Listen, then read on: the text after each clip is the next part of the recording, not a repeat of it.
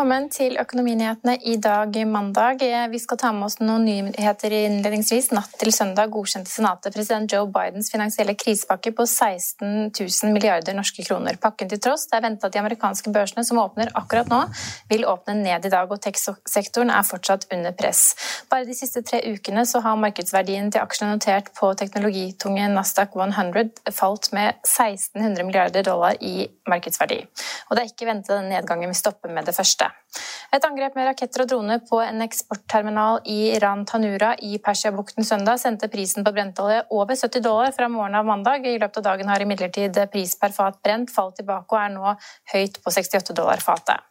I Norge har kryptoselskapet Harmon Chain eh, sagt at de ikke vil oppgi det de mener er forretningshemmeligheter til Oslo Børs, og utsetter nå notering. Det arbeides med en omvei til Euronext Growth. Og Kjell Inge Røkkes har i dag sagt at de skal satse en halv milliard på bitcoin gjennom det nyopprettede selskapet CT. Og i tillegg skal vi snakke mer oljepris med råvaresjef Bjarne Schjelderup litt senere i sendingen.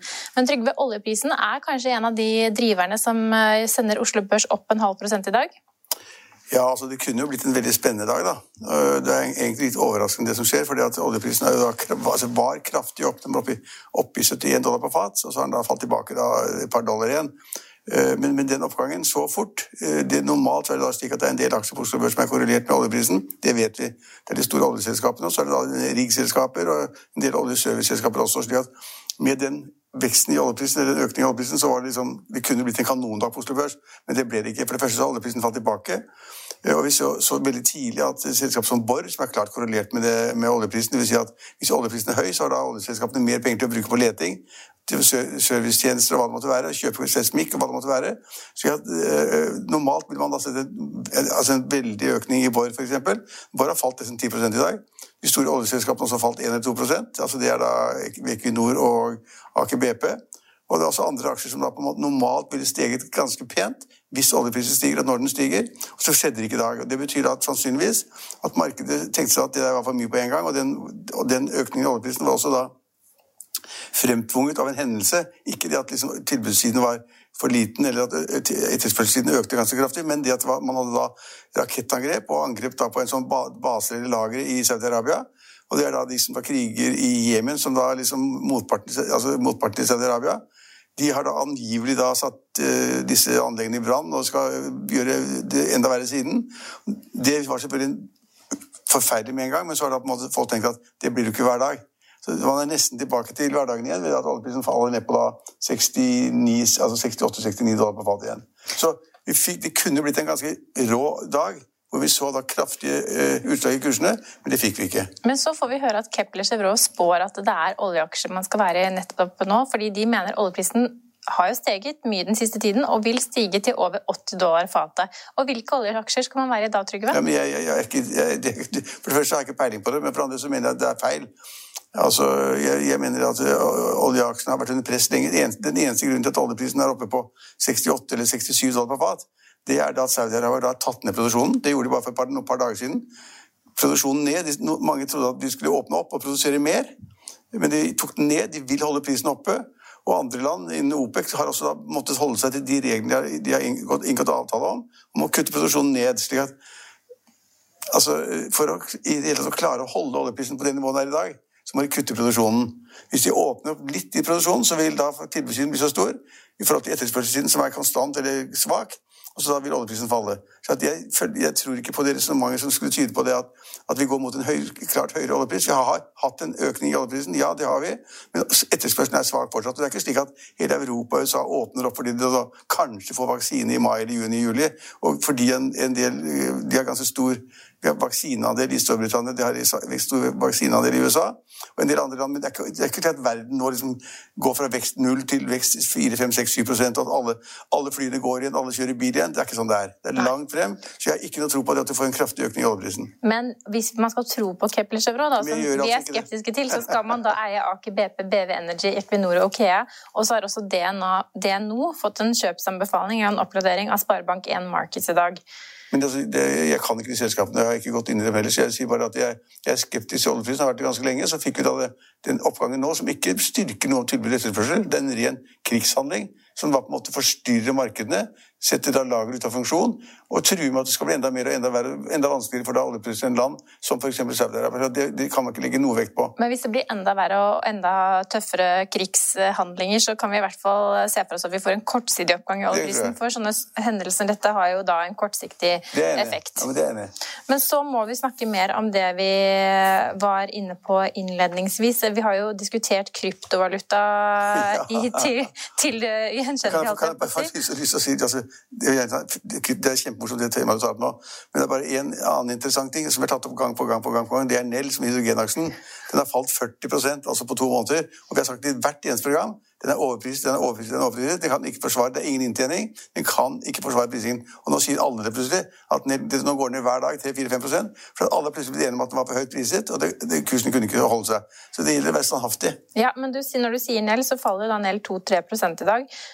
Og Hydrogen Pro, altså denne konkurrenten, faller 6% Og det samme uken som hydrogenselskapet til Kjell Inge Røkke, altså Aker Clean Energy, er på vei til børs. Ja. Og det sistnevnte hentet jo 3, nesten 3,5 milliarder forrige uke i en emisjon ja. og skal være klar for børs onsdag. Det, hva vil du si om timingen til å ta et hydrogenselskap på børs akkurat denne uken? Nei, jeg tror det er dårlig. Men uh, nå er jo Kjell Inge Røkke flink til å få medspillere andre til å kjøpe aksjer, tegne aksjer. holde den i live. Men han har fått en smell i dag. Det er flere altså Aker-selskapene som er ned. Fordi da det er mindre interesse for hydrogenaksjer, det er mindre interesse for fornybare aksjer. Det er sånn, det er sånn Folk tar et skritt tilbake, tenker seg om. Og det har rammet også da røkkeselskaper som da Aker Horizon blant annet. Også andre røkkeselskaper. Det er ikke like lett lenger. Og de pengene som man fikk inn nå, det var kanskje veldig heldig akkurat nå. Eh, men han kan jo ikke trylle altså hvis markedet ikke vil ha det. Hvis det er for langt frem til inntektene kommer. Så han har gjort så mange, mye rare ting på kort tid. Jeg tror, jeg tror, ikke at markedet kan være med hele tiden. Nei, men Han gaper i hvert fall høyt. for Det jeg innledningsvis da prøvde å komme inn på, her, var at Røkke satser nå en halv milliard på bitcoin gjennom dette nyopprettede selskapet C10. Hva tenker du om det, Trygve? Da tenker jeg at han har for mye penger. Eh, fordi eh, det er helt greit for en kjempestor investor å bruke 500 millioner kroner, og kanskje mer siden, men 500 millioner bare sånn én sjekk, på, å satse da på, på kryptovalutaer. Eh, men altså og han skrev et langt brev, dørgende langt og kjedelige greier, som ikke skrev til han. Det var Omar skrevet som konsulent eller en annen, som da skulle fortelle hvor fint det var med kryptovalutaer og bitcoin og den type ting. Og at bitcoin var liksom virkelig tingen, og den lå på 50 000 dollar, og den kunne gå en million dollar, og liksom alt var bare, bare glede. Sånn er det jo ikke. Altså, det er veldig stor diskusjon om, om, bitcoin kommer til å overleve, om kryptovaluta vil overleve. Det er bare luft. Det er ikke noe, er ikke noe gull eller sølv eller diamanter eller noe som vi kan ta på og putte på lager eller putte i en safe. Det er bare luft, som at du og jeg blir enige om at den genseren din den har vært 50 000 kroner, og så kjøper jeg den genseren for 50 000 kroner. Altså det er flere som vil ha den også, så kanskje jeg selger den til deg? Så kjøper du tilbake for 49 000 kroner, eller et eller annet sånt, og så blir det en trading på det. Men, men altså, det blir ikke mer verdt enn den vi får. Men hvis etterspørselen er der, så kanskje jeg selger den til en helt annen ja, for 100 000. Men, er, men, altså, men, men, bitcoin er, er, luft som da folk har blitt enige med pris. Og det eneste som er positivt, det er at det angivelig så er da mengden bitcoin begrenset. Altså De har et antall som er da stanset ut, som det heter, som da skal være det som man skal trade frem og tilbake med. Så det Røkke gjør, er bare å ta en kjemperisk. Altså De kjemperike, også Elon Musk i Tesla gjorde det samme, spekulerte i bitcoin. Eh, det var ikke så veldig vellykket, var litt uheldig, for liksom bitcoin svingte da mellom eh, noen og 40 000 dollar per bitcoin til 58 000 dollar, så fant den ned i 40 igjen, og nå ligger den på ca. 50 Så der, svingen er altså 10-20-30 i løpet av dager og uker. Og Hvis Kjell Inge Røkke da vil bruke overskuddslikviditeten sin, eller pengene han har for mye av, til å spekulere i bitcoin, så er det altså, jeg, har ikke, ikke noe imot det. Jeg syns det var morsomt, for det er, det er liksom Hvorfor skal han det? Han har så mange interessante, gode prosjekter som er på hånd, håndfaste og gode medarbeidere. Og så sitter jeg og surrer med bitcoin. Det er bare tull. Men det er åpenbart at uh, Kjell Inge går bredt ut for å få med seg alle megatrender som er. Men altså, Bill Gates sa at hvis man hadde like mye penger som Elon Musk eller mer, da skulle man gjerne kjøpe bitcoin. Hvis man hadde mindre, så skulle man unngå det. Og selv om Kjell Inge Røkke er rik, så er han ikke like rik som Elon Musk. Det var godt sagt for det han sa selv. Altså, det, han har for mye penger for tiden og, og surrer rundt. og og da tar han en spekk på å spekulere. da, altså Bitcoin ligger nå på prisen er 50 000 dollar. eller sånn. Den kan jo da, For alt jeg vet, så kan den prisen da være om tre uker så kan den være 20. Men det kan godt tenkes at den er 59. Men de som er anybody's guess. De det, er noe, det er ikke noe industriell utvikling, det er ikke noe fornuftig det, ikke, det, er, ikke, det, er, altså det, er, ikke en bankenhet, det er ikke kroner eller valuta. Eller er, det er ingenting. Det er luft. Et annet selskap som, om vi ikke vet om det er luft, så driver det med krypto. Det heter Harmony Chain, og det vil ikke fortelle forretningshemmelighetene sine og utsetter en børsnotering. Men vi vet at Ole Andreas Halvorsen og Arne Fredli er inne i selskapet som, ja, er, som ikke vil lette på sløret. Ja, men det er uhyre interessant. Altså, Arne Fredli er blant landets beste profesjonelle investorer. Uh, Halvorsen, som sitter i USA, er kanskje blant ikke verdens beste, men liksom USAs beste. Kjempeflink, gjort det enormt bra Vi har forvaltet andres penger og egne penger. Han tjener liksom 7-8 milliarder i året. Det var det samme som nåværende sjefen i oljefondet tjente liksom på sin lange karriere, hvor han var fantastisk god. Altså, begge de investorene er kjempegode. Så har de gått inn da i dette selskapet, som har da en veldig anerkjent, som jeg respekterer masse, uh, professor fra Handelshøyskolen, som da styreleder. Uh, han tuller ikke. Men det som skjer nå, er på grensen av komikk. fordi at det selskapet som du snakker om nå, det, det, det er ikke det er en kryptovaluta, men det er noe som skal produsere forskjellige altså, kryptovalutaer. Altså, den måten de lager disse på, da. Og jeg vet ikke hva de gjør det i praksis, å stanse, sier men de bruker masse energi for å produsere et eller annet, som, et eller annet sted. Oppi, sikkert i skyene et eller annet sted. Men dette selskapet skulle gå på, på Euronext Growth nå. Og for, slik, at, slik at de fikk en prising av selskapet, så ble det ikke noe av. Fordi de mente at børsen hadde stilt for veldig strenge krav til dem. At de ville ikke, ville ikke ha selskapet på da børsen. Altså strenge krav. Altså det stilles jo ingen krav til de selskapene som er der. Men det har jo vært den store debatten de siste ukene, at ja, men, Oslo Børs ikke har håndhevet disse reglementene strengt nok. Nei, De har håndhevet det, for det viser nå da at jeg har sagt at de har bedt om opplysninger altså For det første må man ikke ha noe regnskapshistorikk for å komme på denne børsen. Det er liksom sånn forstadiebørs ikke sant, før du kommer på Oslo Børs. Krever ikke regnskapsstatistikk. Det krever omtrent ingenting. Så det er ingen som skjønner hva de hva børsen har krevd, som de ikke kan gi. De, de, er, har, altså, det, er, helt komisk. Så har de trukket dette tilbake, eh, så de går ikke der på børs, for de, får, de må gi mer informasjon. De har lyst til å si hva skulle det være. Og så er det en forhistorie som vi ikke må glemme. Vi har jo omtalt det veldig mange ganger. Element, et selskap som da skulle drive med kryptovalutaer og gruvedrift. Ja, og så skulle de da liksom si, Gruve Altså gruve...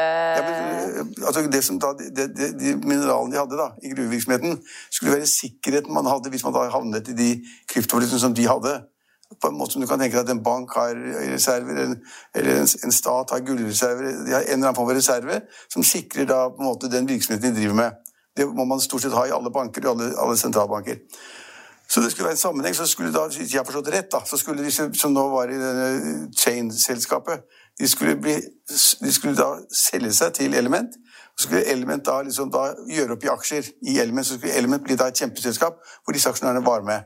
Det blir jo blir ikke noe av, for Element sa at de der tullingene de, bare, de vil ikke gi oss det vi trenger. og Det ble en elendig deal, så de trakk seg på dealen. Det ble ikke noe av. Så de fortsatte videre med Element, som da er et såkalt kryptoselskap, fiasko, og et såkalt gruveselskap, fiasko. Og så egentlig bare et skall. Ja, så At Fredelig da, og, og, og Tore Johnsen og Halvorsen skal liksom kjøpe seg inn i det eventyret der, det, kan, det skjønner jeg ingenting av.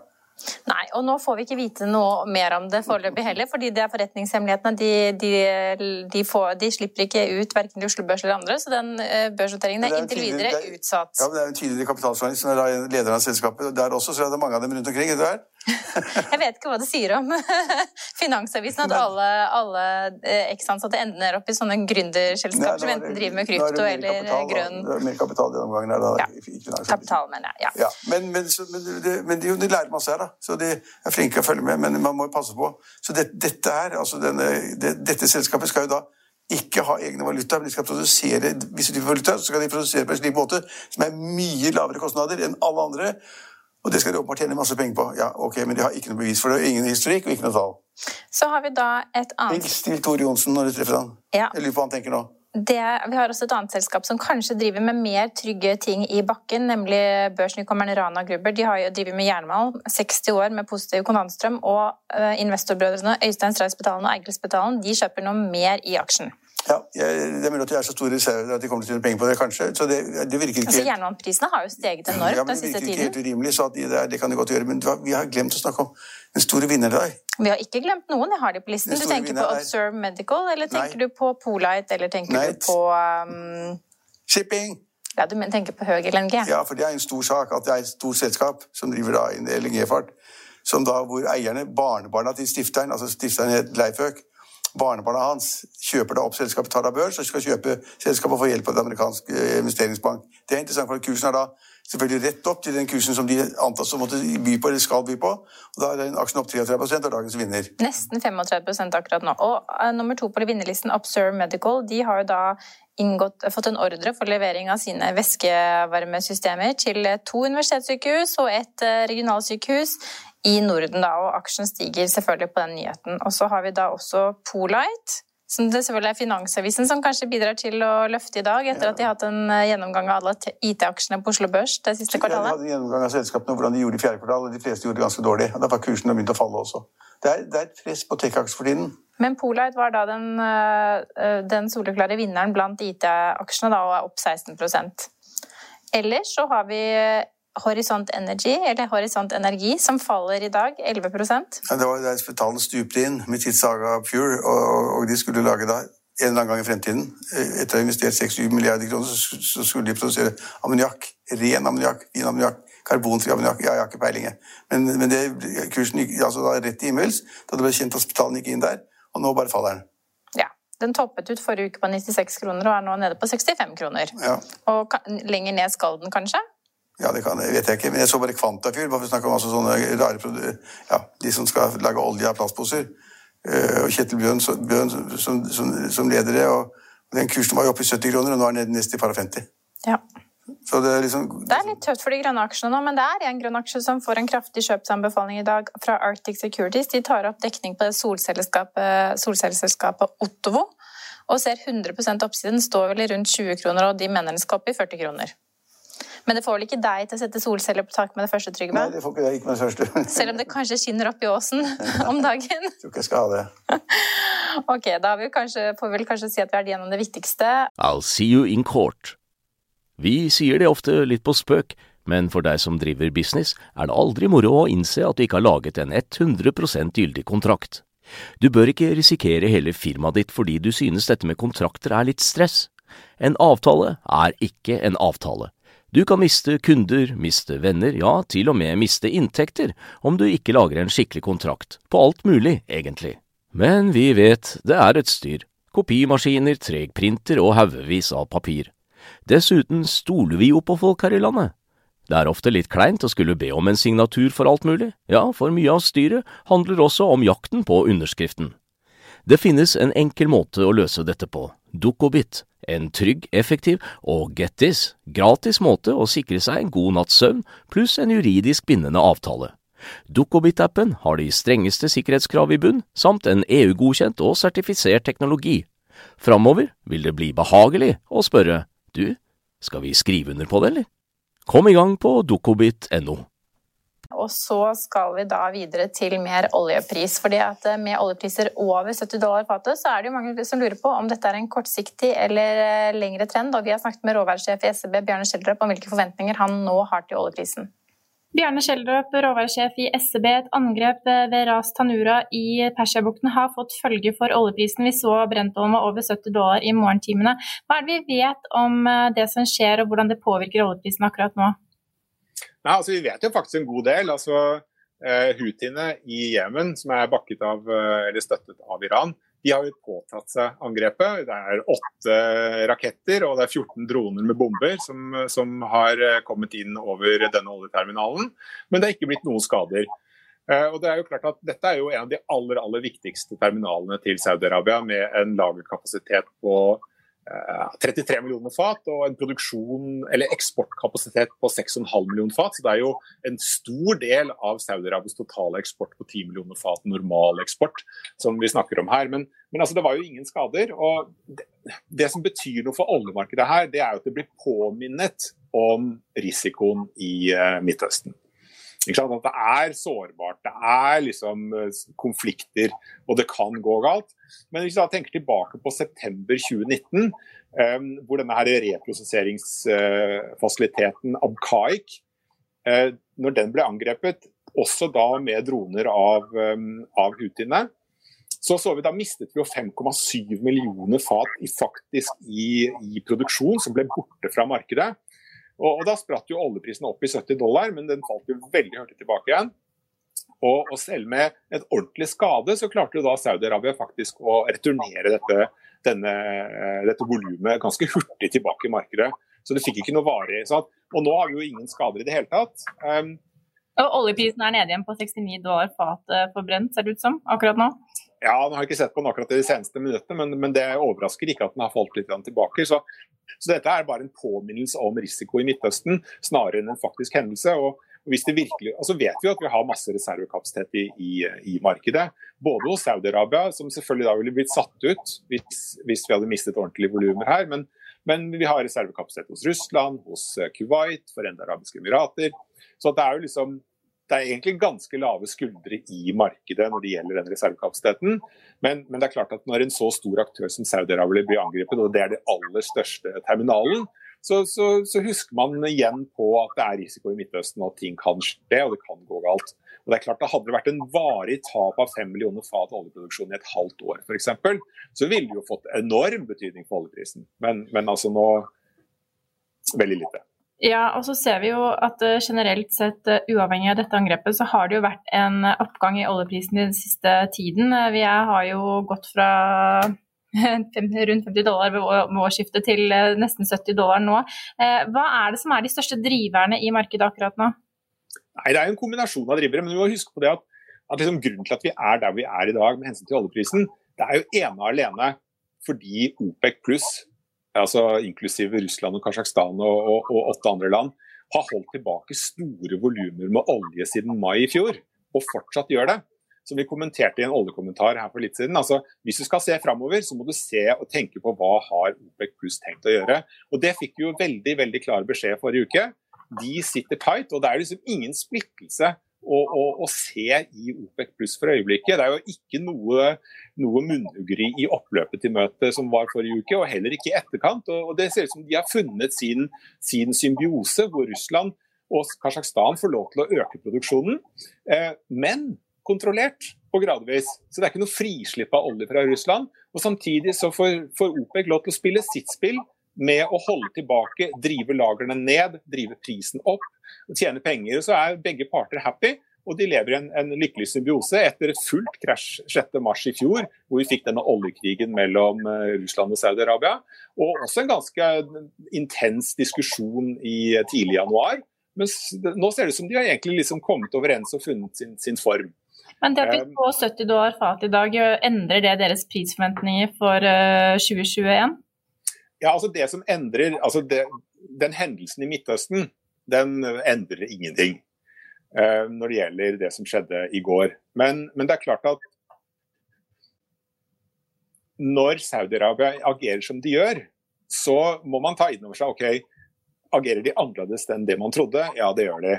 De er enda mer aggressive på å forfølge en pris høyere i et stramt marked. Og så ser vi jo da som hovedscenario at etterspørselen skal komme tilbake type i, eh, i andre kvartal og tredje kvartal. Etter hvert som vaksinene rulles ut og får større og større effekt i USA og, og i Europa. Eh, at etterspørselen kommer mer og mer tilbake da. Um, og så ser vi at liksom produksjonssiden i US, uh, amerikansk skiferolje ja, den er svakt fallende. Uh, så du får ikke noen sånn voldsom respons i skiferproduksjon i år. Eh, og ei heller fra produsenter utenfor OPEC pluss, som ikke er amerikansk. Så, så dermed så har vi da foran oss så har vi da høyst sannsynlig en, en, ganske sterk økning i etterspørselen, samtidig som vi ser en ekstrem villighet hos OPEC til å forfølge prisen høyere. Det er jo én ting. Og det andre tingen er at når Saudi-Arabia altså alle forventet, inklusive oss, at de skulle øke produksjonen med en million fat eller halvannen million fat der omkring. Og så kommer det altså ingenting, bortsett fra disse 130 000 fatene fra Russland og Kasakhstan, eller 150 til sammen.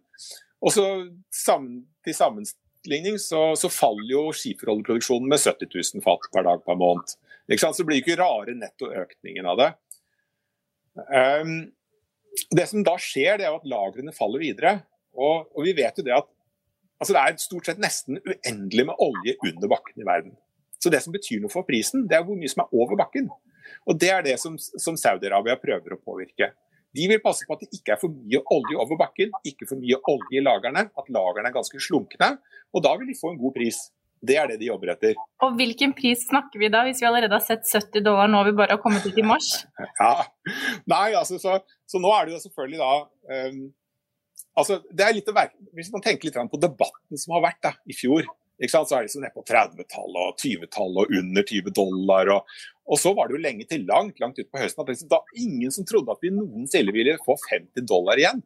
Og det er bare snakk om elektriske biler og peak oil demand og, og hydrogen og liksom, olje kan du bare glemme. Og, og når vi sa at liksom, vi tror 65 dollar og, og periodevis liksom, antageligvis også 75 dollar, det hørtes jo helt sinnssvakt ut. Liksom i øret på markedet i den uh, beramningen. Mens nå er jo liksom vår forecast uh, på 65 dollar i tredje kvartal, den er jo liksom sånn hva er dere bearish på olje? Vi har jo vært liksom, en av de som har vært liksom, oljeprisskap. Nå er det liksom fra liksom lave priser og lave investeringer, så skal vi til høye priser og høyere investeringer igjen. Altså, en sånn minisykkel er jo det som vi har argumentert for. Og, og, og, nå har jo markedet gått veldig mye mer enn det vi hadde trodd.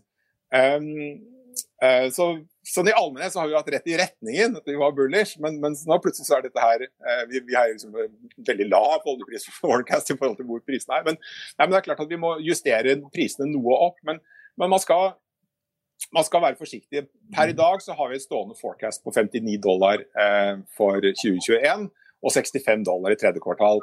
Eh, så må vi justere noe, for vi vet at lagrene kommer til å bli lavere. Og, den, og, Da får vi også en lavere lagerbane gjennom hele 2021 og inn i 2022. Så bare det at vi holder tilbake produksjon, mer produksjon i april alene, gjør at du får høyere priser i påfølgende 12-15 måneder etter det.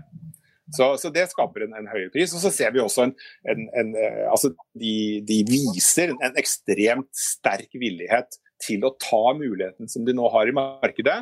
Hvor det er ikke noe spesielt stor supply response andre steder, og etterspørselen skal opp. og De har bukten og begge endene, og de kommer til å melke dette her for det det er verdt, eh, inntil en viss grense.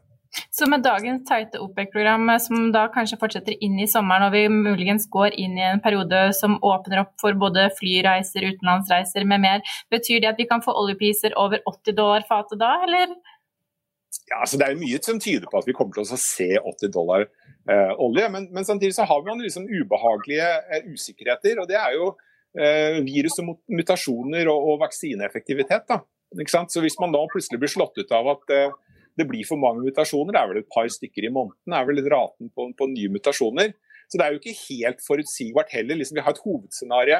Masse stimulans, 1,9 trilliarder dollar inn i amerikansk økonomi, penger i lomma. Eh, altså US Manufacturing ISM er jo liksom på peak high allerede, eller cyclical high allerede, før du dytter 1,9 milliarder nei, eh, trilliarder ja, trillion dollars inn i, inn i økonomien. Så så jeg mener sånn, Verden er usikker, fremtiden er usikker, men, men eh, liksom Alt ligger til rette for, for at, at, eh, at Saudi-Arabia og OPEC skal dra dette her videre opp inn i sommeren. Men, eh, men vi har jo blitt uh, overrasket av viruset mange ganger her nå, så vi får se.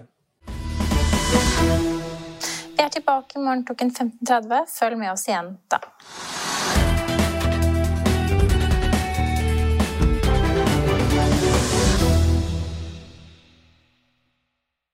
Økonominyhetene er en podkast fra Finansavisen. Programledere er Marius Lorentzen, Stein Ove Haugen og Benedikte Storm Bamvik. Produsenter er Lars Brenden Skram og Bashar Johar. Og ansvarlig redaktør er Trygve Hegnar.